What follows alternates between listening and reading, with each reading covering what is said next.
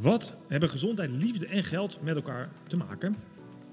En hoe pak je de regie terug in je leven na een nogal onverwachte gebeurtenis? En wat kun je nou doen om weer in actie te komen in je leven? Wat fijn dat je luistert naar deze aflevering van Je Geld en Of Je Leven. Mijn naam is Michiel van Vught en we gaan de eerder gestelde vragen in deze aflevering eh, verder beantwoorden. Deze podcast is mede mogelijk gemaakt door NNEK Vermogensbeheer, voordat later te laat is.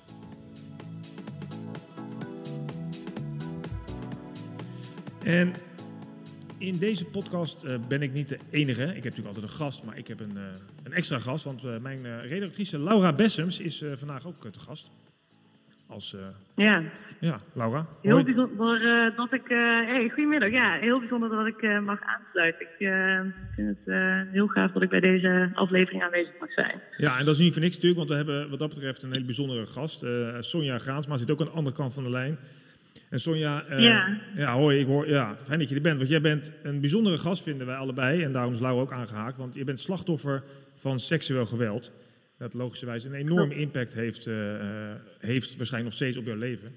Terwijl, en nu zit je, ben je ja, inmiddels zover dat je dit verhaal ook wil vertellen. En daarmee ook veerkracht wil tonen en ook anderen wil inspireren.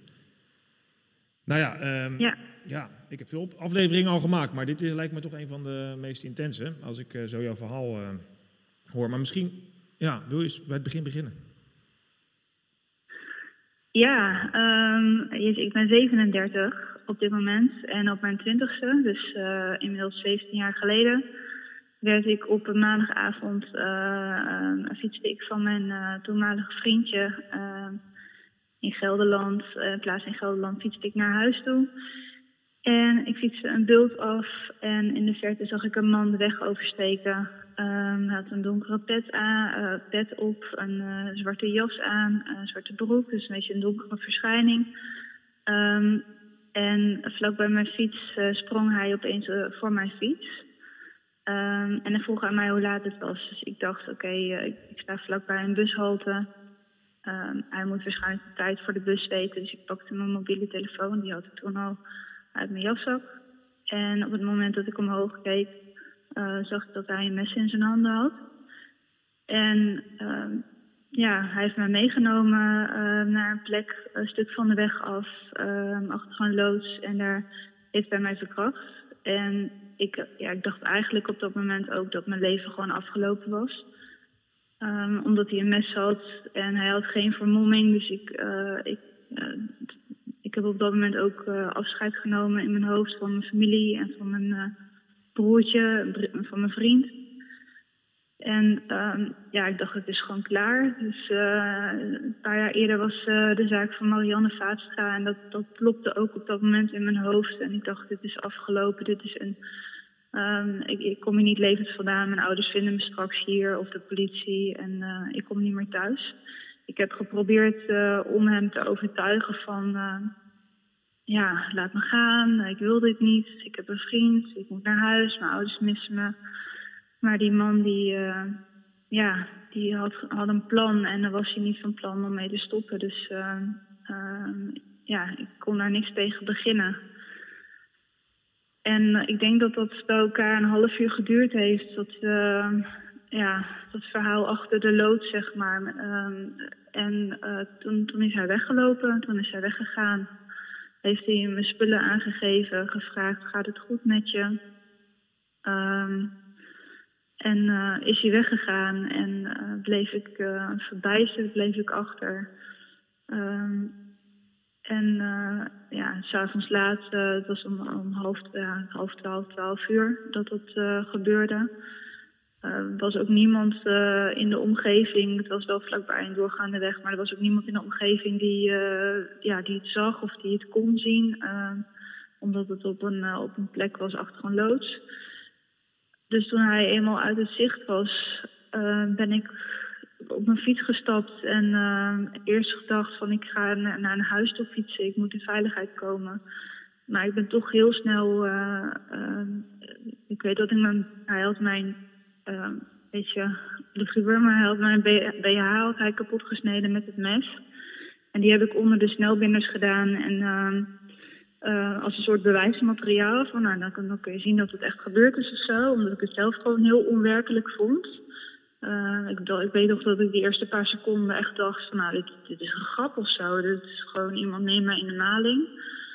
Uh, totdat ik doorkreeg dat het geen grap was. En dat, ja, dat ik gewoon echt echt uh, met iemand te maken had die, die een mes in zijn hand had en verkeerde bedoelingen. Maar ik dacht, ik neem dat mee en dan kan ik aan mijn ouders laten zien dat er echt iets gebeurd is.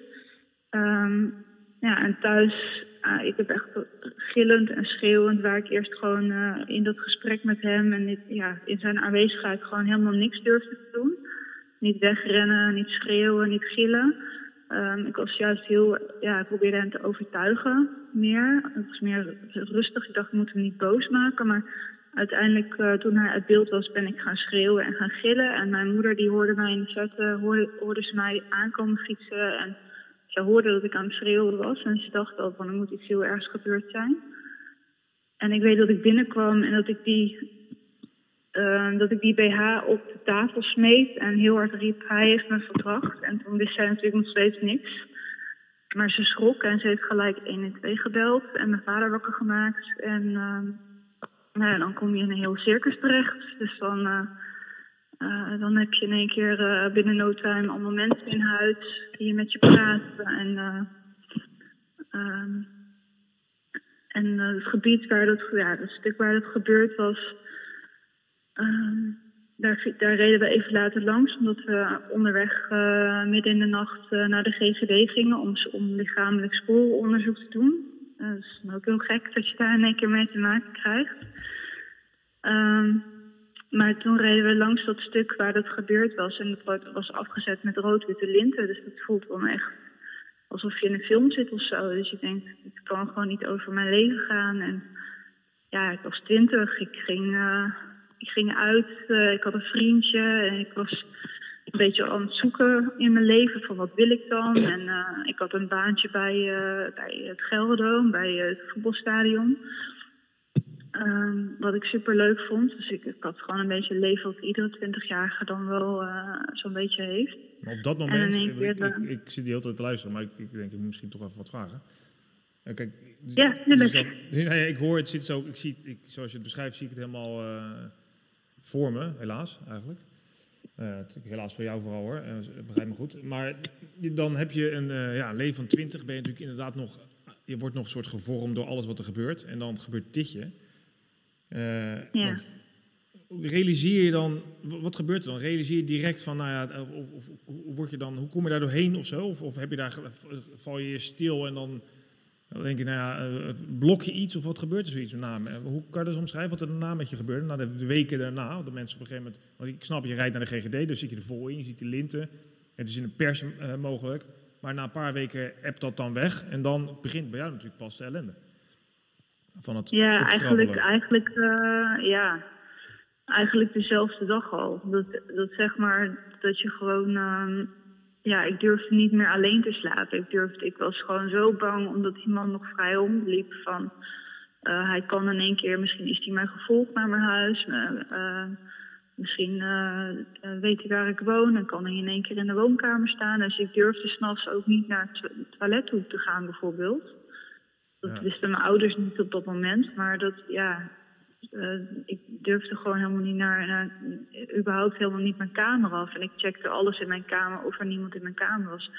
En dat, dat heeft eigenlijk geduurd, zeg maar, die enorme angst. Uh, en ook angst om, om alleen op straat te zijn. Totdat het moment uh, kwam dat, dat ik ja, eigenlijk goed nieuws kreeg. En, en dat hij dus toch opgepakt was. Maar ik leefde heel erg met de dag. En, en dat, dat dat onderzoek. En uh, ja, je krijgt toch heel regelmatig krijg je berichten uh, van de politie en slachtofferhulp. En uh, je wordt heel, ja, ik werd heel erg geleefd van, uh, door alle dingen die speelden en alles wat liep. Ja. Hoe lang heeft het dan geduurd dat hij gepakt werd? Sorry. Hoe lang duurde het voordat hij werd opgepakt? Ehm, twee maanden.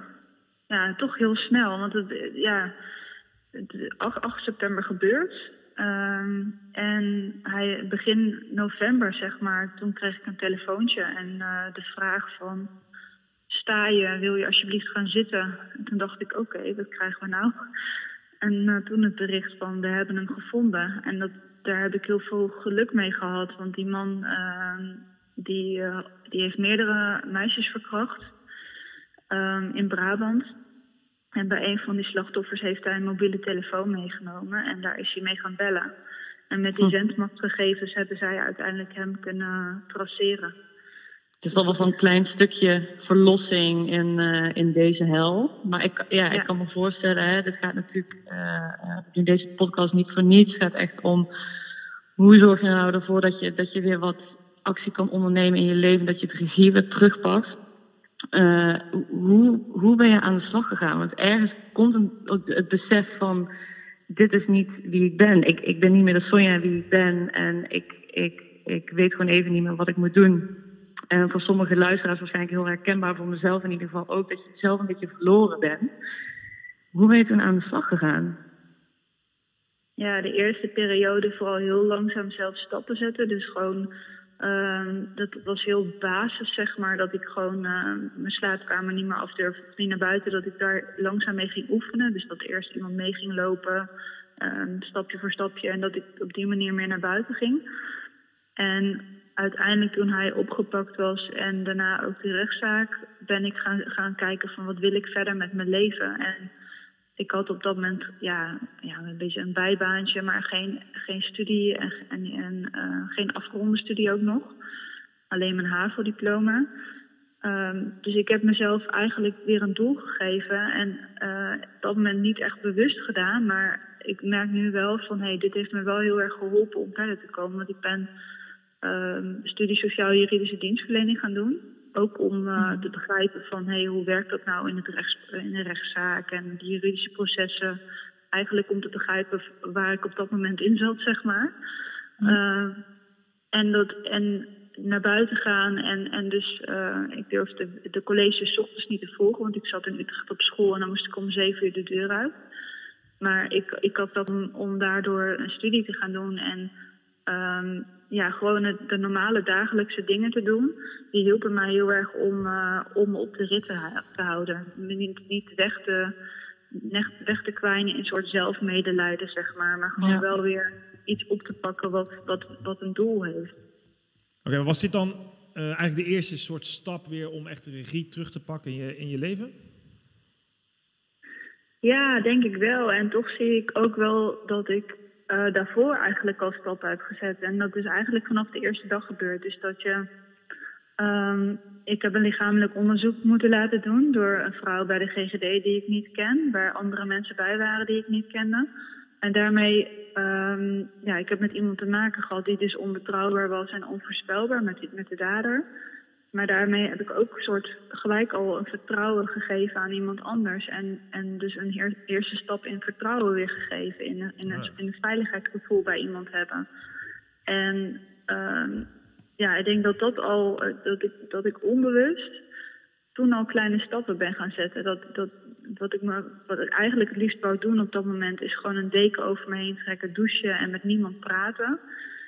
Maar ik heb dat niet gedaan. Ik, ben gelijk, ik heb gelijk alles eruit gegooid, op tafel gegooid. En, uh, en ik heb gelijk mensen in mijn leven toegelaten die daarmee aan de slag gingen die ik niet kende. Dus ik denk dat ik vanaf dag één al uh, stappen ben zetten. Alleen heel concreet, die studie was wel, was wel een doel wat mij eruit heeft getrokken om, uh, om echt, iets, uh, ja, echt iets wezenlijks te gaan doen met wat ik meegemaakt had. En, en hoe belangrijk is daarin in je omgeving? Want ik kan me voorstellen, um, um, deze podcast was heel belangrijk voor Michiel en mij, omdat we, en we geloven ook natuurlijk echt in dat credo van voordat later te laat is. Um, het leven leiden dat je wil leiden. En we zien natuurlijk ja, bij mensen om ons heen, misschien ook wel collega's of uh, uh, bij, bij vrienden, bij mezelf. Weet je, soms houdt iets, iets je zo erg tegen en het is zo zonde. Um, en ik kan me voorstellen dat, uh, hè, dat er luisteraars zijn die denken: ja, ik, misschien niet dat ik een trauma moet verwerken, maar uh, ik droom al heel lang van een bepaalde baan. En ik durf die switch niet te maken. Of ik wil al jaren naar een sportschool. en ik, durf gewoon die stap niet te zetten. Ehm, en is dat, hoe heeft dat bij jou gewerkt? Heb je echt die, die keuze zelf gemaakt van ik ga me nu focussen op die studie, ik ga me nu inschrijven, ik ga het doen? Of denk je van ja, het is misschien ook handig om uit te spreken naar je omgeving, zodat zij je ook nog een duwtje in de rug kunnen geven? Wat, ja, heb je daar ideeën bij nog, onze luisteraars? Ja, wat, mij heeft geholpen, wat, wat het punt was dat ik dat in één keer ben gaan doen, is ik ben met een vriendin daarover gaan praten. En ik wil eigenlijk een veilige oplossing kiezen door een MBO-studie te gaan doen. Want ik dacht, nou, dat kan ik makkelijk aan met mijn HAVO. En ze zei, nee, ga maar een HBO-studie doen, want dan ga je echt veel meer uithalen. En deze studie is het.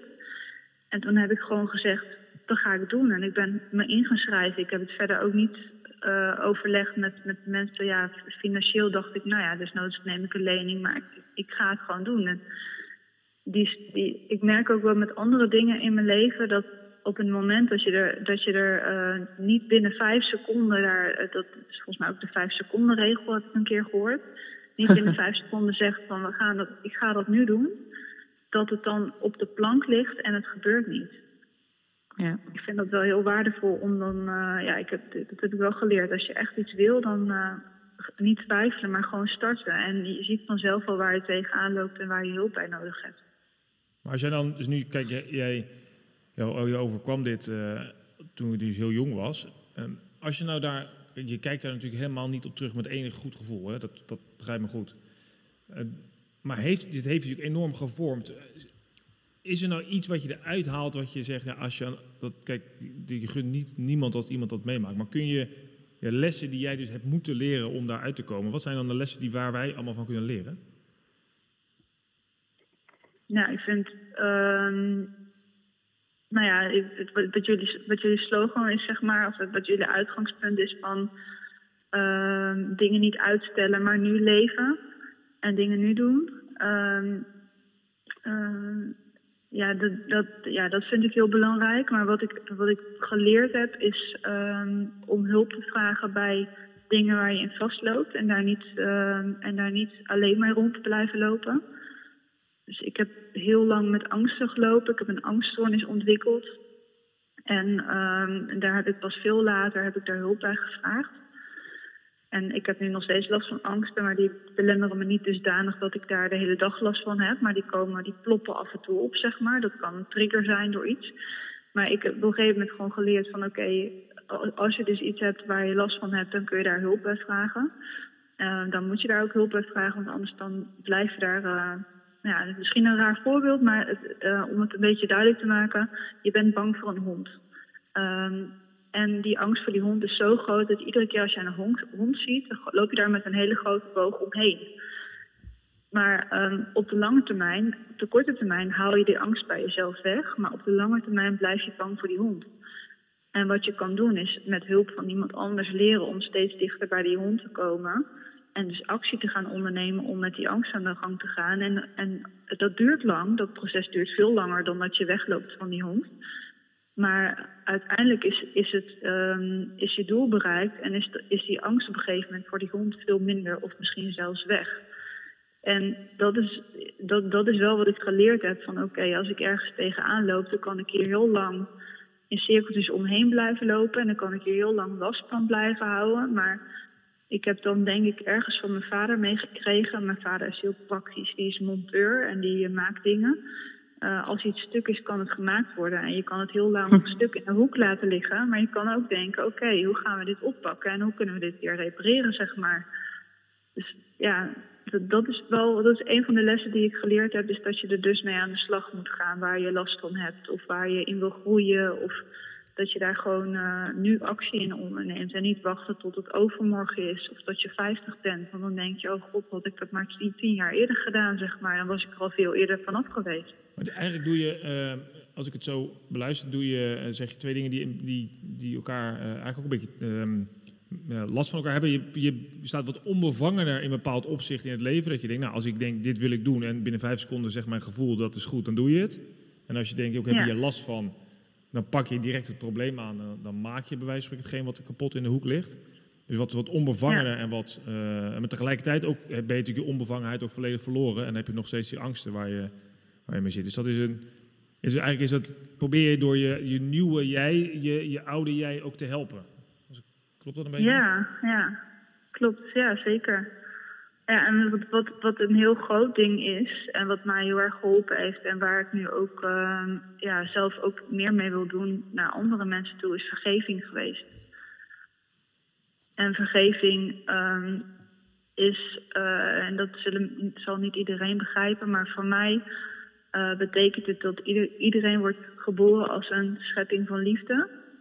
Um, iedereen is in zijn hele pure kern is liefde. En, en, die, um, en uiteindelijk kan je dingen, door dingen in je leven kan je, uh, kan je uh, vergissingen begaan. En um, nou ja, wij hebben daar dan een rechtssysteem aan vasthangen die daar een correctie middels een, een, straf aan vasthangt, zeg maar, in mijn geval.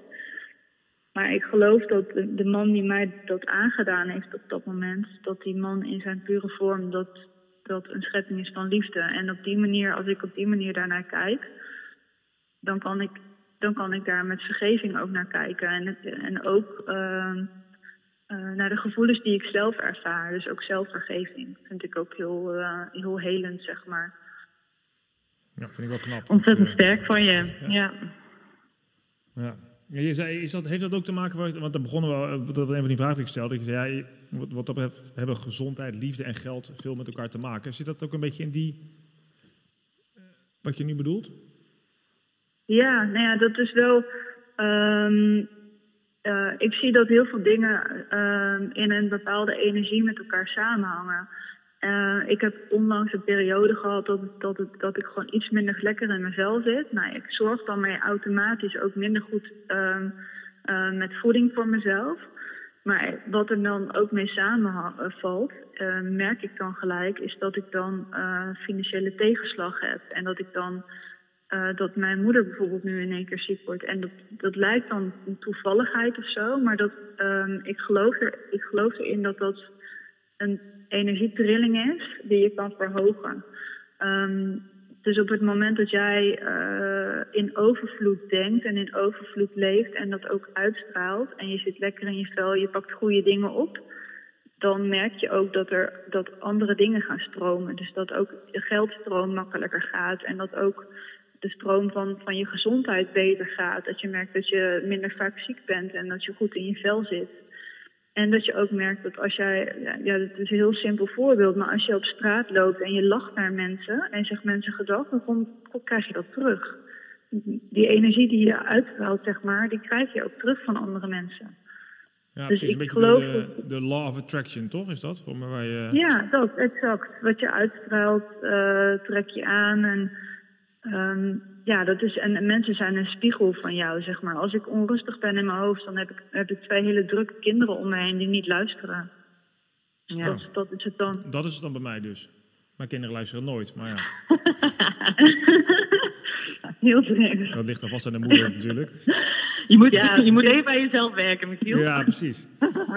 Nee, maar het is wel, het is wel waar wat je zegt, Sonja. Dat, dat, dat, uh, en dat is in jouw geval natuurlijk, uh, uitzicht dat we natuurlijk nog veel sterker dan bij mij bijvoorbeeld, denk ik, want ik heb niet zo'n heftige ervaring. Maar daar kan, bij jou, kan me voorstellen dat bij jou, als jij natuurlijk heel erg in, je, in de slechte energie zit, en nou, dat, je, dat krijg je wel terug. Dat ben ik ook met je eens. Je ziet het terug hier bij je kinderen, zijn altijd een mooi voorbeeld. Ja. Dus je hebt daar ook wel, kijk, dus dat is voor jou misschien ook wel een hele, althans voor de luisteraar ook wel een hele belangrijk, is dat je dat bewustzijn op een gegeven moment ook krijgt. Ja, ja, zeker. En ik, ja, en, ik investeer veel in persoonlijke groei, zeg maar. En um, ik heb een coach gehad. Ik volg nu een, bepaalde jaargroep die, ook uh, dat gedachtegoed deelt, zeg maar. En ik merk ook dat het van mij waarheid is. Omdat ik gewoon merk van oké, als ik... Je, je hebt eigenlijk, um, en dat is een uitgangspunt ook uh, in, in wat ik volg... Je hebt eigenlijk twee basis... Um, uh, houdingen. Je kan of in een staat van liefde zijn of in een staat van angst. Maar je bent zelf de keuzemaker daarboven. Dus je kan zelf zeggen: Oké, um, ik zit niet lekker in mijn vel, maar ik kan hier wel iets aan gaan doen. Ik, kan wel, ik heb de keuze nu om daar, uh, om daar uh, anders mee om te gaan. En in plaats van te denken: Oh, het overkomt mij allemaal. En niemand, niemand helpt mij, niemand doet wat. En dat wegkwijnen in dat zelfmedelijden, zeg maar, dat slachtofferschap. Ehm, wat ik ook heel goed ken, want dat heb ik ook heel lang gedaan. Ehm, maar dat, daar heb je zelf een keuze in om daar weer uit te stappen en om daar, om daar een groei in te gaan kiezen. Ja. Ehm, we zijn op 25 eh, minuten. En dat klinkt dan onwijs onaardig. We kunnen hier nog uren over doorpraten. Maar ja, het is toch een beetje het einde al van deze aflevering. Maar ik wil je zeker nog even de ruimte geven. Uh, als je nou Um, ja. Wat, wat, wat zeg je als je nou mensen die het luisteren denken, ja shit, ik, eh, ik, ik wil ook wat veranderen, ik, ik wil mijn mindset veranderen of me, ik wil veerkrachtiger worden, ik wil wat doen. Wat, is je, wat raad je hun als eerste aan? Ja, veel podcast luisteren, boeken lezen, uh, programma's daarover kijken. Zorg dat je, dat je informatie daarover uh, naar je toe komt. Je hebt heel veel inspirerende mensen die die goed uh, die, die, die wet van aantrekkingskracht begrijpen en daarover uit kunnen leggen. Maar probeer het vooral niet alleen te doen. Dus probeer ook een coach erbij te nemen of een, een, een, een, groep mensen die met iets bezig is waar je dingen van kan leren. Ja. maar bijvoorbeeld niet, maar inderdaad gewoon echt stappen zetten en daar hulp bij vragen en, en in verbinding met andere mensen dat proberen aan te pakken.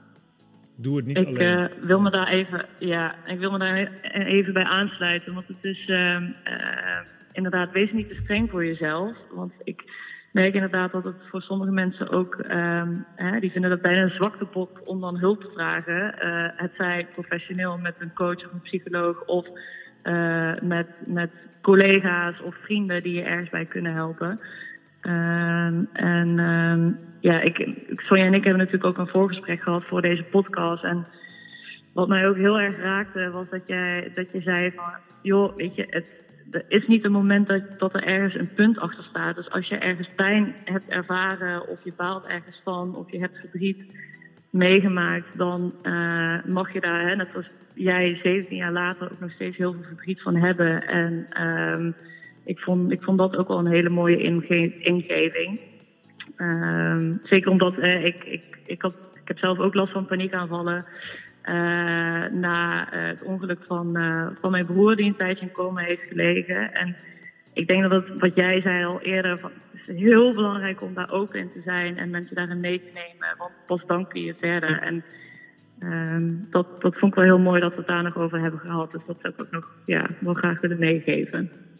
Ja, absoluut. Nee, ik vind het heel waardevol dat je het toevoegt. Want het is niet alleen maar een kwestie van, oh, er is, ik heb ergens last van, dus uh, we stappen naar buiten en we zoeken hulp en we lossen het op. Maar ook, ja, maar laat het maar toe, weet je. Laat, laat die angst er maar zijn, laat die onrust er maar zijn. Ik zit nu ook in de fase dat ik denk, oké, okay, um, bij mijn moeder is een vlekje op de longen uh, gevonden. Um, mijn auto is in één keer uh, totaal los. Uh, dat, dat die stroom even stilstaat of zo. Ja. Um, maar ja, acceptatie en het er maar even laten zijn. En vooral niet, uh, niet alles heel snel te willen fixen, zeg maar. Gewoon even stilte opzoeken en nou ja, ga, er maar, ga er maar mee zitten. En probeer het niet altijd uh, verdriet of angst of pijn gelijk op te lossen. Dat hoeft ook niet. Het kan er ook gewoon even zijn. En pas als je, er, als je merkt van oké, ik heb er heel lang last van. En het, ga, en het belemmert mijn groei of zo. En ik, en ik loop hierin vast ja, dan, dan is het handig om te zeggen, goh, ik, ik wil hier iets mee. En, ik, uh, en, en dan is wat ik net zei, dan is naar buiten stappen, verbinding zoeken of boeken lezen. Dan kan dat heel helpend zijn. Precies. Ja, heel mooi gezegd van ja. Ja, Sonja, ontzettend bedankt dat je je, uh, je verhaal wilde delen met ons en met onze luisteraars. Uh, ik kan voorstellen mensen die luisteren die denken hier nog eens over na moeten denken nou ja, in de show notes zullen we ook wat instanties plaatsen waarbij je eventueel met je verhaal terecht kunt. Uh, en ook, ja. uh, Sonja, je, hebt, je bent bezig met een boek, hè, geloof ik, of is het al uit? Ja, ik heb eerder een boek uitgegeven over mijn hele verhaal van de verkrachting en uh, ja, hoe het daarna met mij gegaan is. En ik ben eigenlijk een tweede boek aan het schrijven en ik wil me ontwikkelen als spreker. Om, uh, om meer mensen te bereiken en om ook Um, ja, dat tweede boek zal meer praktisch zijn. Van, goh, wat zijn nou, wat, wat zijn handige handvatten om, uh, om om te gaan met bepaalde situaties, zeg maar. Ja, Nou, we zullen ook de link naar het boek, het eerder, eerder verschenen boek delen, zodat mensen daar nog eens even nou, kunnen lezen hoe het allemaal gegaan is en wat, je, wat ze van je kunnen leren. Ontzettend bedankt voor je tijd nogmaals. Laura, leuk dat je er was. waardevol aan deze podcast meegedragen. En, Dankjewel dat ik erbij mag zijn. Natuurlijk. En jullie bedankt voor het luisteren. Uh, heb je hier nou meer vragen over? Nogmaals, kijk in de opmerkingen onder of neem contact op met ja, iemand die je erbij kan helpen. Absoluut ontzettend belangrijk om de juiste stappen in je leven te zetten. wat er ook gebeurd is, in principe. Um, ja, ik ga hem ook niet commercieel afsluiten ook. Ik wil zeggen, nogmaals dank en tot een volgende aflevering.